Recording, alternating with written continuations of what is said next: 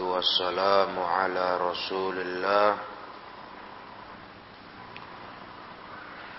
وعلى آله وصحبه ومن والاه.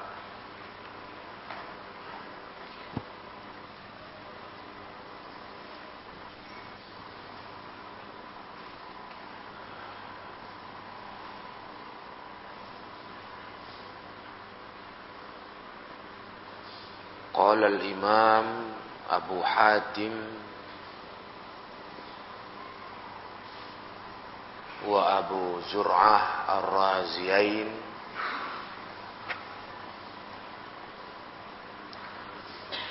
ونتبع السنة والجماعة.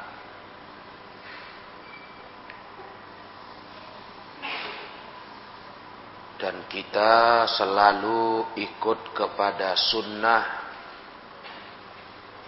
dan kepada al-jamaah. Al-jamaah yakni jamaatul muslimin. Umat Islam di bawah pemerintahan yang sah. Itu maksud jamaah. Kita selalu ikut sunnah dan jamaah. Maka dinamakan ahlus sunnah wal jamaah. Wa najtanibu syudzuza wal khilafa wal furqata. Dan kita menjauhi segala yang ganjil-ganjil. Mengganjil syuduz sesuatu yang aneh. Tak wajar. Itu syuduz ganjil. Begitu pula kita menjauhi al-khilaf perselisihan. Dan al-furqah perpecahan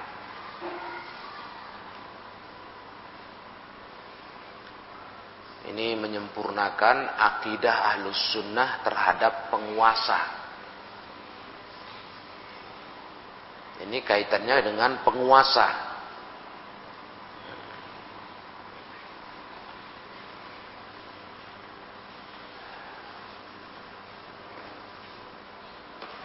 Jadi kalau dikatakan kita menjauhi segala yang syudud itu kan jamak Mufradnya apa? Syad. Maksudnya syadan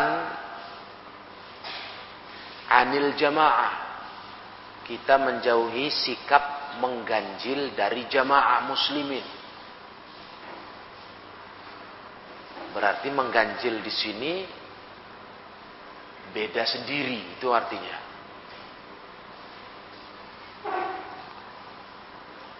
Juga kita menjauhi berselisih, berpecah dari kaum muslimin. Berarti kita ahlu sunnah diajari tidak menyempal. Menyempal itu lepas dari jamaah umat Islam. Maknanya tidak berontak. Itu dia. Mengganjil, menyelisihi, misahkan diri dari jamaah umat Islam. Nah, itu maknanya me memberontak khuruj ala wulatil umur. Ya. Hmm. Jadi ahlu sunnah seperti itu. Gak mau buat gerakan yang sifatnya menentang penguasa. Buat kelompok yang berpisah dari penguasa. Kalau istilahnya dulu-dulu itu ada gerakan pengacau keamanan, GPK misalnya. Ya. Pokoknya yang sifatnya melawan penguasa. Kalau di Aceh, GAM. Gerakan Aceh Merdeka. Ini dalam Islam, dalam sunnah, salah. Semua gerakan yang tujuannya menyelisihi, memisahkan diri dari pemerintah yang sah, itu salah. Itu maknanya dua poin ini. Wa nattabi'us sunnata wal jama'ata wa najtanibus wal wal furqah. Kaitannya erat dengan penguasa, pemerintah. Hmm. Jadi kelompok-kelompok yang buat gerakan melawan pemerintah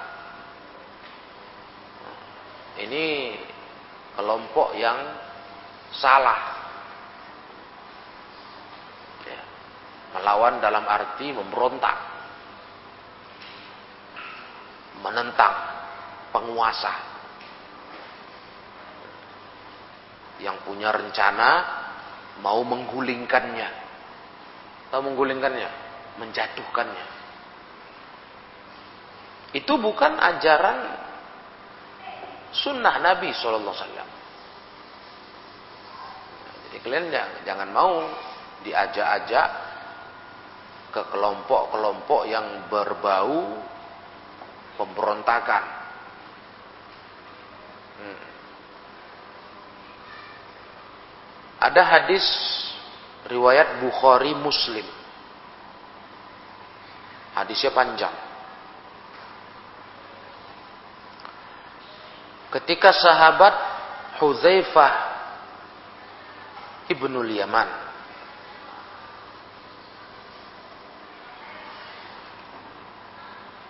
bertanya kepada Rasul sallallahu alaihi wasallam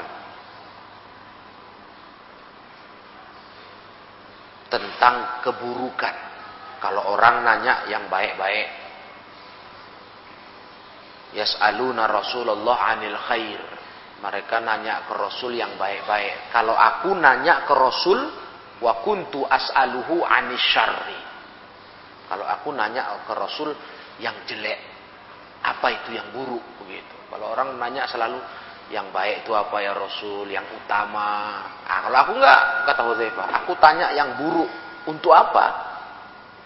Untuk aku khawatir jangan jatuh kepadanya makhofatan ayudrikani.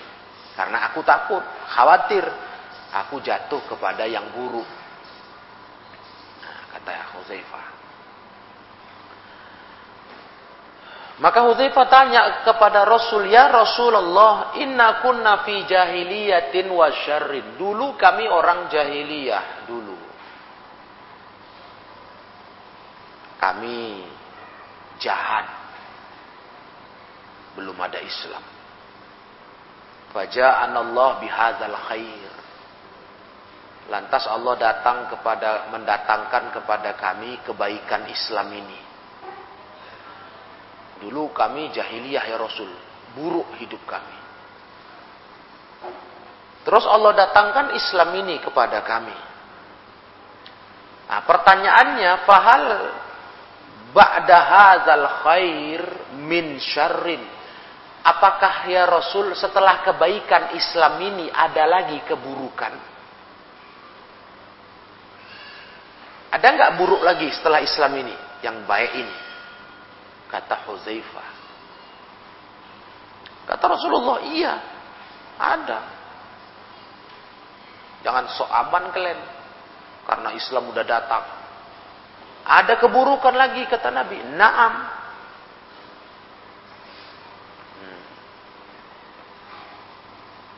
Aku tanya lagi kata Hudzaifah. Fahal wahal ba'da dzalika syarr min khair? Lantas ya Rasul, apakah setelah keburukan itu ada lagi kebaikan? Perhatikan urutannya. Dulu kami buruk di zaman jahiliyah. Terus datang Islam. Itu kebaikan kan? Nah, setelah kebaikan Islam ini ada nggak keburukan lagi? Ada kata Rasul. Nah, setelah keburukan itu ada lagi nggak kebaikan? Kata Huzaifah. Kata Rasulullah, "Na'am ada, tapi wafihi dakhanun." Dalam kebaikan yang berikutnya sudah ada dahon. Asal kata dahon itu asap. Udahlah muncul kesamaran. Kayak ada asap gitu. Nggak jelas. Nah, kalau waktu jahiliyah ke Islam, nah Islam ini bersih terang benderang kebaikannya. Nah, habis Islam ini ada keburukan lagi. Habis keburukan ada kebaikan lagi. Tapi kebaikan berikutnya ini sudah samar. Sudah ada asapnya. Dahonun.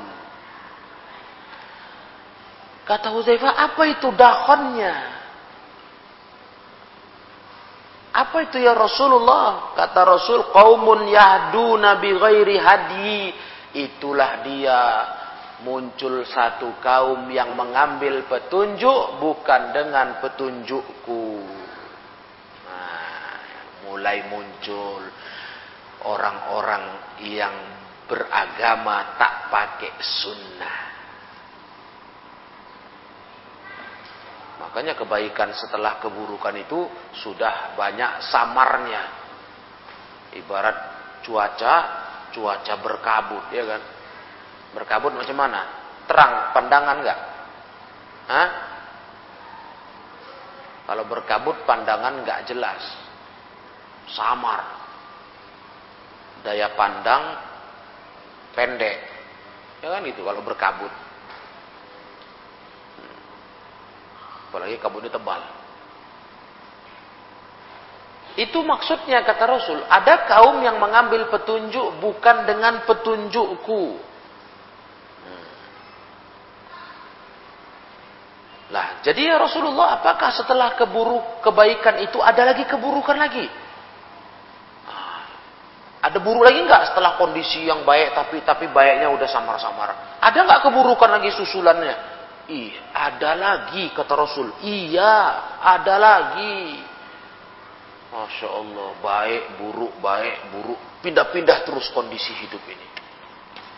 Dan keburukan yang sekarang kata Nabi yang berikutnya du'atun ila abwabi jahannam. Bermunculan dai-dai kepada pintu jahannam. Nah, yang harus kalian waspadai. Banyak dai-dai berarti dia ustad, guru, tapi ngajak ke pintu jahannam bukan ngajak ke jalan surga. Paham dong? Hati-hati. Makanya beberapa kali kalian dinasihati soal belajar agama ini bukan yang penting ada guru, ada ustadz, ditengok siapa orangnya, apa pemahamannya. Karena kata Nabi, ada dai menyeru ke pintu jahanam. Yang ngerinya lagi kata Nabi sallallahu alaihi wasallam, "Hum min jildatina wa yatakallamuna bi alsinatina." Nah, mereka itu dari kulit kita, dari kalangan kita, bicara pun pakai lisan kita. Bukan dai kepada pintu jahanam. Orang kafir dia bukan, orang kita, orang Islam. Tapi dakwahnya sesat, Diajarnya kalian paham khawarij, paham berontak ke pemerintah. Nah, itu contohnya. Yang terkait pelajaran dengan pemerintah. Diajarinya kalian, diajaknya kalian bicara pemerintah di mimbar-mimbar. Nulis-nulis tentang jelek pemerintah. Itu dia. Dia dai berilmu loh, bukan nggak berilmu. Mungkin sekolahnya tinggi gelarnya banyak. tapi dai ke pintu jahanam. Oh, hari ini banyak kali tuh. Enggak terbendung. Apalagi bebas orang menguploadnya masukkan, masukkan ceramah, pokoknya ceramah, masukkan, masukkan media sosial. Orang semua bisa tonton, bisa dengar. Nah, makanya dengar ilmu itu tengok-tengok ngambil ilmu dari siapa. Ilmu itu agama, bukan asal dengar aja. Oh ini ada ustadz, dengar. Dicari tahu ini ahlu sunnah bukan. Paham kalian? Ini ahlu sunnah bukan. Oh bukan, campakkan. Karena Nabi udah kasih peringatan. Nanti akan ada da'i-da'i ngajak ke pintu jahanam. Yang paham khawarij lah dia, paham asyari. Tahu asyari nggak? Hah? Murji'ah, nanti Qadariyah, Jabriyah, pokoknya macam-macam pemahaman sesat. Dia sampaikan. Gimana kalian selamat? Kalian dengar juga. Oh iya ini kan ustadz yang ngomong. Nah, itu. Dai ke pintu jahanam. Itu banyak itu. Makanya Hudzaifah mendengar itu bertanya ke Rasulullah sallallahu alaihi wasallam, Ya Rasulullah, fama ta'muruni in adrokani dzalik. Apa yang kau suruh kepadaku kalau aku ketemu kondisi itu? Banyak dai-dai ke pintu jahanam. Apa yang kau suruh aku ya Rasul? Pesanmu apa kalau ketemu aku kondisi kayak gitu?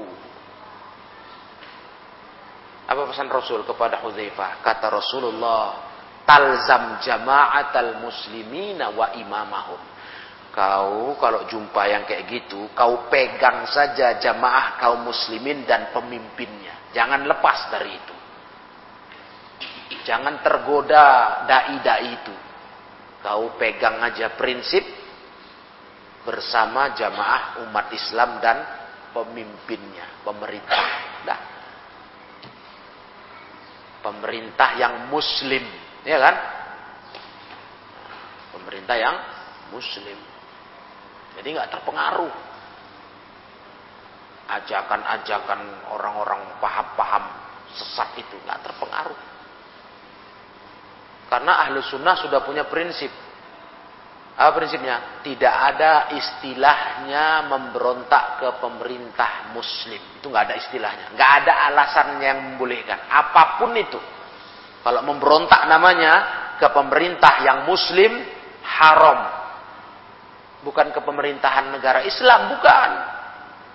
Ada orang bilang gitu, oh itu kepala negara Islam menegakkan hukum Islam. Nggak ada pakai hukum selain Islam. Bukan itu. Tapi pemerintah yang muslim. Apa itu standar muslimnya dia? Apa itu? Sholat. Tanda dia muslim, dia sholat. Udah habis cerita. Mau dia kayak mana kayak mana terserah dia. Pokoknya Nabi bilang begitu. Ma'aqamu sholah. Udah. Itu Nabi yang bilang kok. Hadisnya jelas. Sepanjang mereka menegakkan sholat. Selesai. Tapi di dibalik-balik sama mereka. Oh itu taat ke pemerintah itu kalau pemerintah menegakkan hukum Allah katanya. Hmm. Khalifah khilafah Islam katanya. Apa? Dari mana paham itu? Hah? Paham siapa itu? Paham kalian? Hadis-hadis bicara, ulama bicara. Pemerintah yang dilarang kita memberontak tak boleh dengan alasan apa pun kalau memberontak bersenjata, tidak boleh. Itu pemerintah yang muslim masih sholat dia. Ngerti ya? masih sholat dia. Ya. Jadi kalau dia zulim bagaimana? Kalau dia menyengsarakan rakyatnya, udah kita bahas semua. Hah? Bahkan Nabi yang bilang, wa indorobu zohroka wa akhadhu malak. Walaupun jahat mereka, mukul punggungmu, merampas hartamu. Udah dibilang Nabi, walaupun kayak gitu jahatnya pemerintah yang Islam itu. Dipukulnya punggungmu, diambilnya hartamu. Dirampasnya. Masih ingat nggak kalian? Jadi gimana? Kita kan rakyat butuh butuh oh, hak kita dipenuhi. Masa kita aja harus patuh ke mereka? Tunduk. Mereka buat suka hati, kita sengsara. Apalagi pesan Nabi? Jawabnya pakai hadis saja. Apa pesan Nabi? Adu ilaihim haqqahum wasalullaha haqqakum. Apalagi Nabi yang bilang itu semua. Kalian tunaikan hak mereka itu sebagai rakyat kalian kerjakan tugas kalian hak kalian yang nggak dikasih mereka minta sama Allah. Berarti sabar. Sabar berarti. Anda minta sama Allah. Ya sabarlah. Berarti maknanya sabar. Udah tuntas jawabannya. Tapi yang begini ini yang nggak diajarkan didengar di tengah umat. Apalagi dimanfaatkan, namanya orang disakiti kan marah, ya kan? Rakyat disakiti kan marah. Nah, marah rakyat ini ditunggangi untuk menyampaikan pemikiran khawarij. Orang lagi marah dipengaruhi. Nah, kan rakyat marah. Ketika melihat pemerintah kok nggak adil katanya, kok ini kok itu kok ini kok itu uh banyak kali dosa pemerintah ah ditunggangi oleh paham khawarij makanya disenangi. Viral ustadz-ustadz yang kalau di mimbar-mimbar mencela penguasa. Oh mencaci maki penguasa. Itu laku. Keren. Ini singa Allah gelarnya. Oh, singa Allah. Masuk penjara ompong kau. Hmm. Belum penjara ya lah, berkoar-koar, caci maki, dieje-eje. Begitu ditangkap polisi masuk penjara, singa ompong. Mana lagi jagonya singa kalau ompong? Seremnya aja yang ada. Kan serem singa itu kan, oh, berambut ya.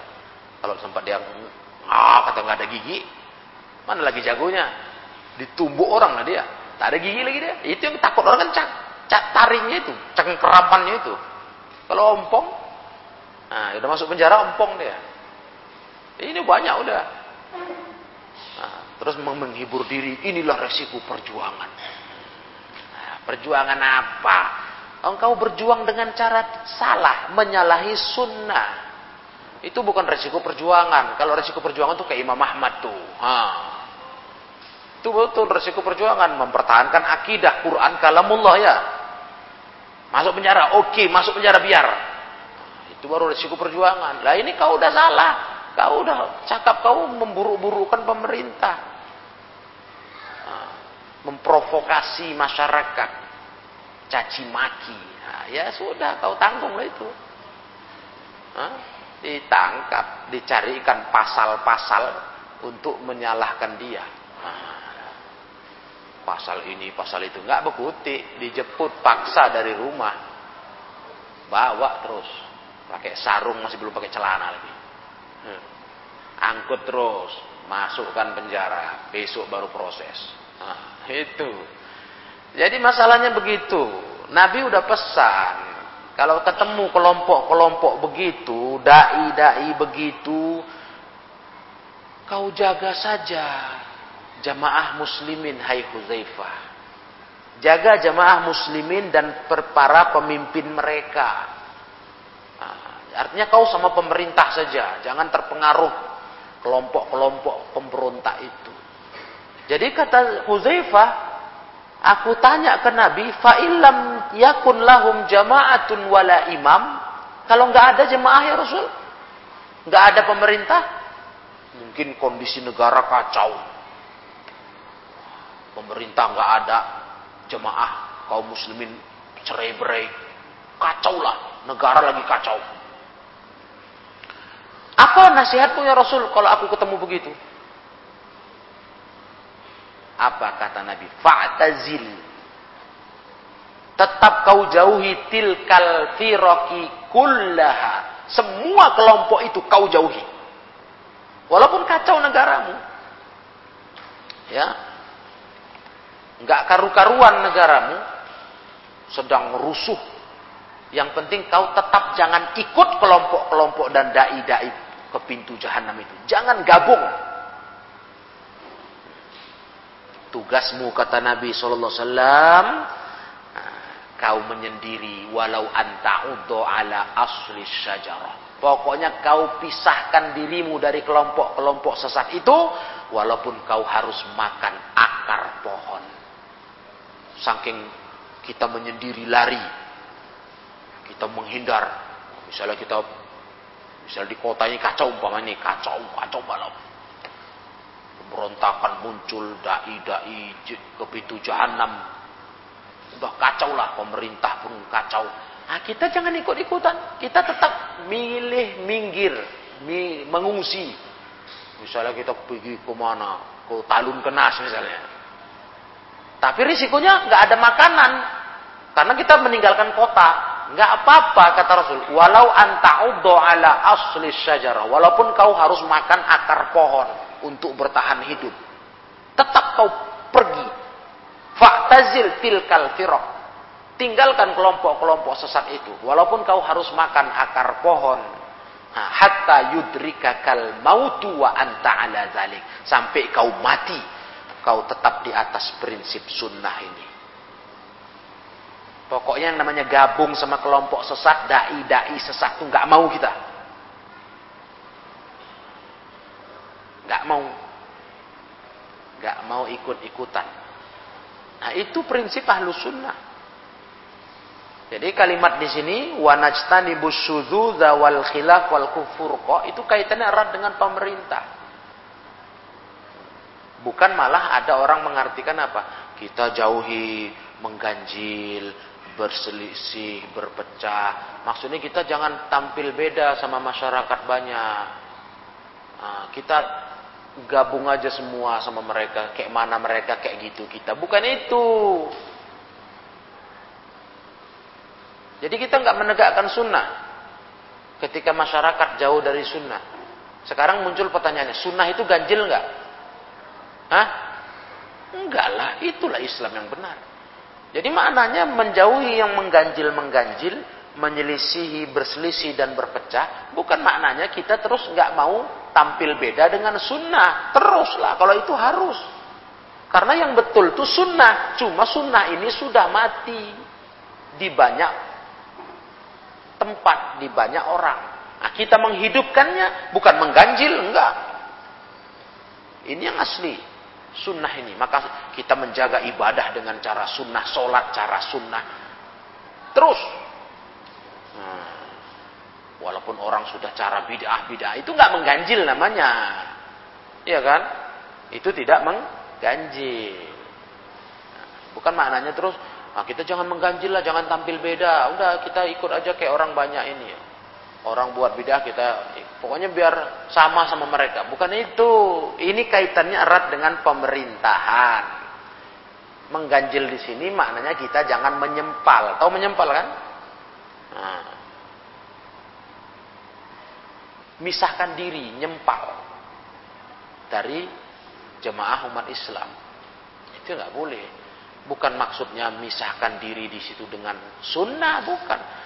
Kalau kita tampil beda dengan sunnah itu harus. Itulah yang dikatakan Nabi dalam hadis tubalil huroba. Masih ingat kalian hadis itu? Tubalil huroba. Innal islama bada'a ghariban wa sayaudu ghariban kama bada' fatuba lil ghuraba. Nah, itu dia. Islam ini dimulai asing, nanti balik lagi terasing. Maka bahagialah orang terasing. Nah, siapa orang terasing itu? Hah? Siapa? Alladzina yuslihuna inda fasadinna. Itulah orang yang buat perbaikan ketika manusia rusak. Itu enggak mengganjil namanya. Itulah orang terasing yang berbahagia. Fatuba lil ghuraba. Tuba bahagialah atau pohon di surga untuk orang terasing. Nah, jadi itu jangan jangan salah paham poin ini. Kita jauhi mengganjil, jangan beda sama masyarakat. Sholat kayak mereka juga semua sama. Walaupun banyak bid'ahnya. Mereka buat acara bid'ah kita gabung-gabunglah. Jangan pisah-pisah. Jangan nggak mau. Nah, itu salah paham namanya. Makanya butuh syarah, ya kan? Nah, belajar kitab ulama itu pakai syarah. Nah, inilah dia. Nah, jadi inti dari poin ini masalahnya dengan penguasa, dengan umarok pemerintah, ya. Hmm. Sama seperti hadis Nabi juga riwayat Abu Daud dan Nasai. Nabi berkata apa? Fa'alaika bil jama'ati. Wajib atas engkau bersama jamaah. Jamaah itu kaum muslimin dan pemerintahnya wajib fa innama ya'kulu dhi'bul qasiyata karena serigala itu akan memakan al qasiyah kambing yang menyendiri iya kan serigala kan suka makan kambing nah itu yang diincarnya bukan yang kambing bergerombolan wah itu nggak mau dia kambing yang menyendiri, pisah rombongan. Nah, itu yang diterkamnya. Nah, itu kata Nabi di hadis Abu Daud dan Nasai. Paham? Jadi kita maksudnya poin tadi, nah ini dia bersama jamaah kaum muslimin. Jangan nyempal-nyempal grup kelompok sendiri penentang pemerintah Oh, dalam arti pemberontak lah, gitu. Penentang di sini pemberontak. Enggak begitu. Enggak boleh begitu. Buat gerakan pengacau keamanan. Ya. Gerakan uh, apa? Penentang penguasa. Enggak boleh itu di Islam enggak boleh itu. Itu yang dikatakan al-qasiyah. Istilahnya kambing itu kambing yang menyendiri tertinggal rombongan. Nah, itu yang di, di, disenter sama serigala, diincarnya. Oh, ini yang mau kumakan ini. Alas? Nah. Nah, jadi ini memperjelas prinsip ahli sunnah di pelajaran yang lalu. Ya. Ahli sunnah bersama penguasa bersama pemerintah yang masih muslim kepala negaranya, pemimpinnya, penguasanya. Dan Ahlussunnah mensikapi kesalahan penguasa, kekurangan mereka dengan cara nasihat tersembunyi. Nasihat tersembunyi. Empat mata atau kirim surat pribadi rahasia mereka dengar, alhamdulillah. Enggak mereka dengar, ya sudah. Jadi alusuna bukan pula dikatakan enggak ada usaha memperbaiki, enggak. Kalau enggak bisa menyurati, enggak bisa jumpa, ada enggak cara lain? Ada enggak? Enggak bisa jumpa. Oh, apalagi pemerintah kita presiden. Wah, bukan gampang jumpa dia. Gimana mau jumpa cakap menasihati? Nah, pengamanannya ketat. Pas pampresnya, wah. Jangan macam-macam ya. Dekat-dekat kalau ditarik tengkuk kau nanti. Diangkatnya kalau dicampaknya. Itu ketat pengamanan presiden. Gimana mau jumpa? Mau nyuratin pun nggak apa, nggak sampai lah payah itu. Nggak sampai. Apa lagi cara kalian? Ya lu sunnah. Kalau kami acara kami kami demonstrasi. Oh, kami menceritakan, menasihati di mimbar-mimbar katanya. Kalian apa? Oh, kami nggak mau gitu. Menasihati di mimbar bukan cara Islam. Demonstrasi bukan cara Islam. Jadi cara apa kalian buat coba? Nulis kalian nggak mau di majalah-majalah, di koran-koran mengkritik pemerintah. Ceramah-ceramah kalian nggak mau menjelekkan pemerintah. Demonstrasi kalian nggak mau. Jadi apa cara kalian? Berarti kalian nggak ada pedulinya katanya. Apa cara kita? Udah selesai itu ilmunya, udah lewat. Satu pertanyaan dulu sebelum cara itu. Ada nggak caranya? Hah? Ada nggak caranya? Apa caranya? Nah, doa. Nah, pandai nggak kau doa? Hah? Bisa nggak doa? Ah, siapa yang nggak bisa berdoa? Hmm, berdoa kok nggak bisa. Doakan mereka sebagaimana ucapan ulama salaf Fudel bin Iya. Kalau aku punya doa mustajab, doa makbul satu aja, ku pakai untuk pemerintah, nggak ku pakai untuk diriku. Kenapa begitu kata kata penanya? Ya Syekh, kenapa begitu? Kalau ku pakai untuk diriku, aku yang dapat cuma aku. Kalau ku pakai ke pemerintah, yang dapat semua rakyatnya. Doailah. Nah, kalian kalau mau pemerintah itu berubah, nggak bisa kalian nasihati langsung, nggak bisa kalian surati, kalian doai di sholat kalian. Ya Allah, jadikanlah Pak Presiden kami orang adil. Jadikanlah dia sayang sama rakyatnya. Doakanlah. Ini enggak kok caci maki, kok ejek-ejek dia. Nah, cebong lah dibilang. Ya kan? Karena Pak Jokowi suka kodok. Kalau presiden kita itu hobi miara kodok di istana. Iya hobinya itu. Jadi diejek orang. Ah ini cebong. Karena anak kodok cebong. Kau ejek-ejek pula presidenmu. Gila kau bilang. Kepala negaramu kau ejek-ejek. Iya. Kenapa nggak kau doain? Kau sholat kan?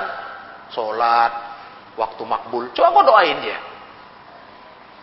Nah, cobalah kau doain dia. Gak ada payahnya kok. Doa masa gak pandi? Nanti dijawab begini, enak kali dia ku doain gitu. Ha, iya. Kau kau mau berubah pemerintah kau. Mau kau punya presiden yang baik, presiden yang yang sayang rakyat. Nah, tapi kau berdoanya gak mau kau. Cemana kau? Kau kan kau kan kiai. Orang aja sering minta doa sama kau. Pak Pak Ustadz doainlah aku. Kenapa kau nggak doain presiden kau? Seakan-akan kan begitu kan mestinya. Kau kan makbul doa kau kan dianggap orang banyak. Kan banyak itu. Kiai-kiai didatangin orang. Pak Kiai doakan Pak Kiai supaya bisnisku lancar. Nah, minta doa orang soleh katanya. Ya kan? Kan sering gitu kan? Pak Kiai doakanlah biar aku jual rumah laku. Berarti doa kau kan hebat. Sampai diminta-minta orang. Kenapa nggak kau pakai doain pemerintahmu? Kenapa kau caci maki? Nah, ini salah kau udah jelas ya kan? Ngawur kau kalau mencaci maki pemerintahmu. Kau pikir itu solusi? Itu jalan keluar? Hmm. Jalan keluar itu? Enggak lah. Nah, atau kau buat pemberontakan, itu jalan keluar? Tidak. Yang ada malah tumpah darah.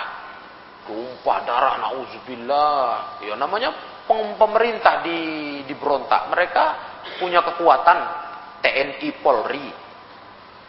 Nah, akhirnya dibuatlah apa gerakan penumpasan pemberontak. Oh, kalau itu main tembak-tembak di tempat aja itu. TNI itu, tentara. Nah, tak sampai berlaku jam malam. Siapa keluar di atas jam 8 malam, tangkap, tembak. Akhirnya rakyat susah, rakyat berdarah. Hmm. Kan itu jadinya. Sampai waktu itu ceritanya aparat negara huh, itu tertekan kasus GAM Aceh dulu. Karena mereka kalau masuk kampung mau cari orang GAM, jadi perasaan mereka orang kampung pun ini kerjasama ini sama GAM. Akhirnya mereka brutal. Jadi ganas sama orang kampung. Karena di hati mereka timbul kecemasan. Nanti tiba-tiba kami dari belakang pula di, tembak tuh di di rumahnya ada senjata dia anggota juga ini cuman pura-pura masyarakat ah jadi kacau rupanya Pak Tani biasanya rupanya karena dia udah keburu namanya suasana perang. Panas otaknya tuh. Dia bawa senjata. Curiga dikit tembaknya. Ah, akhirnya kacau. Itu cerita dulu Aceh. Oh, zamannya Presiden Soeharto. Nah cobalah. Dan banyak contoh-contoh lain. Jadi gerakan-gerakan seperti itu bukan gerakan yang dibolehkan Islam. Haram. Namanya memberontak itu haram. Gak ada alasan. Selagi pemimpinnya muslim, ya kan? Ingat itu.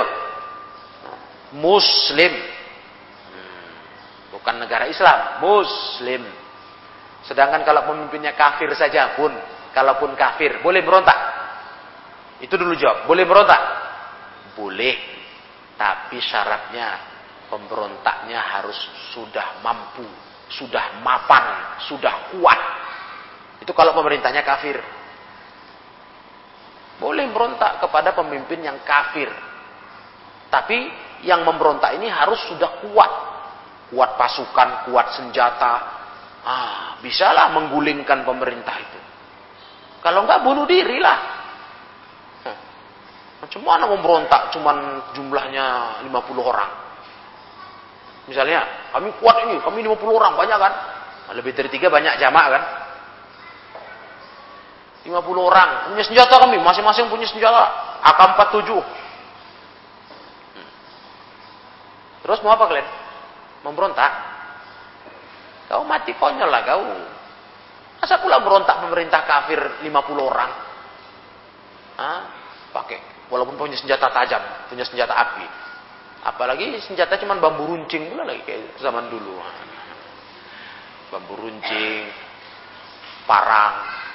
Aduh. Enggak begitu lah. Itu kalau kafir kau butuh persiapan, butuh kekuatan besar baru bisa berontak. Ini udahlah nggak punya kekuatan, jumlah pun sedikit, senjata nggak ada. Macam mana memberontak pemerintah kafir? Paham Makanya Syekh, Al Syekh bin Bas dan seluruh masyayikh ahlu sunnah menasihatkan kalau pemerintah kafir itu tak sanggup kau berontak, ya kau sabar, kau hijrah pindah negara. Gak bisa kami lawan ini pemerintah ini, kuat kali dia, senjatanya luar biasa, canggih-canggih, pasukannya banyak. Bagaimana kami sebagai rakyat muslim, kau hijrah, pindah kau, jangan dipaksa berontak, mati kau nanti konyol. Hmm. Konyol lah. Macam melawan pemerintahan yang kuat. Pasukannya besar. Senjatanya lengkap. Awal 50 orang. 100 orang. Ya putus. Sebentar aja selesai itu. Mau ngelawan perang hadap-hadapan. Tembak-tembakan. Ya putus lah. Nah, yang dilawan satu pasukan satu negara. Jadi gimana? Kau hijrah, kau pindah kata Syekh Albani. Pindah cari negara Islam yang pemerintahnya muslim, pindah. Udah gitu aja. Atau kalau nggak sanggup pindah, ah, susah pindah. Karena harus antar negara. Kau sabar. Hah. Iya, karena jangan main-main masalah berontak ini berat. Darah ini. Nah, itu kalau pemerintah kafir. Tapi kalau muslim pemerintahnya tak ada rumusan memberontak. Maka kata pemberontakan dikoyak Tak ada itu kata pemberontakan terhadap pemerintahan yang masih muslim. Sudah paham gak ini? Jadi jangan lagi ragu-ragu kalian masalah akidah manhaj ahli sunnah ini. Dan hati-hati dari dai-dai ke pintu jahanam. Hati-hati, maka kenalilah sosok dai itu, sosok ustadz guru itu. Ini paham orang ini apa ini? Sekarang ini rata-rata banyak pahamnya bau khawarij. Khawarij. Belum lagi nanti kena pula paham-paham lain yang yang lebih yang lebih ngeri lagi pahamnya udah khawarij asy'ari lagi. Yang dia tak tahu di mana Allah. Ya kan? Udah pernah bercerita kan? Dibilang Allah di mana? Di atas. Jangan di bawah jangan, pokoknya jangan diarah. Jadi di mana? Di batokmu. Itu kata orang Jawa kalau udah marah. Di batokmu katanya. Maksudnya di kepala kau. Masa pula Allah nggak ada arah? Dibilang di atas jangan, di bawah jangan, kanan jangan, kiri jangan, depan jangan, belakang. Nah, jadi di mana? Allah yang maha besar kok nggak ada tempatnya. Nah, ini sekarang akidah Asy'ari ini merata. Padahal Allah di mana kata ahli sunnah? Di arasnya. Istawa al arshi. Makhluk yang paling besar, arsh. Di situ Allah bersemayam. Tanpa kita tanya bagaimana bersemayamnya. Karena tak satu pun makhluk yang serupa dengan Allah. Cukup kita berpercaya, kita imani saja. Al-kaifiyah al-istiwa'u ma'lum. Wal kaifiyatu majhul. Ya kan? Kata Imam Malik. Istiwa itu diketahui. Nah, tapi caranya bagaimana? Tak diketahui. Karena Allah nggak serupa makhluk. Wasu'alu anhu bid'atun. Bertanya tentang itu bid'ah. Masalah akidah ini aja banyak sekali sekarang. Dai-dai tak paham. Malah menentang Allah di aras. Na'udzubillah. Hati-hati kalian, hati-hati. Jangan asal dengar, jangan asal belajar. Kalau nggak ingin rusak otak kalian dalam beragama. Ya, sampai di sini tambahannya dua poin. Dan masih ada lagi lanjutannya masalah pemerintah. Itu masalah poin berikutnya masalah jihad dengan pemerintah sampai masalah zakat. Nah, insya Allah kita belajar di pelajaran yang akan datang. Ilahuna. Wallahu alam. Subhanakallahumma wa bihamdik. Asyhadu an la ilaha illa anta astaghfiruka wa atubu ilaik. Walhamdulillahi rabbil alamin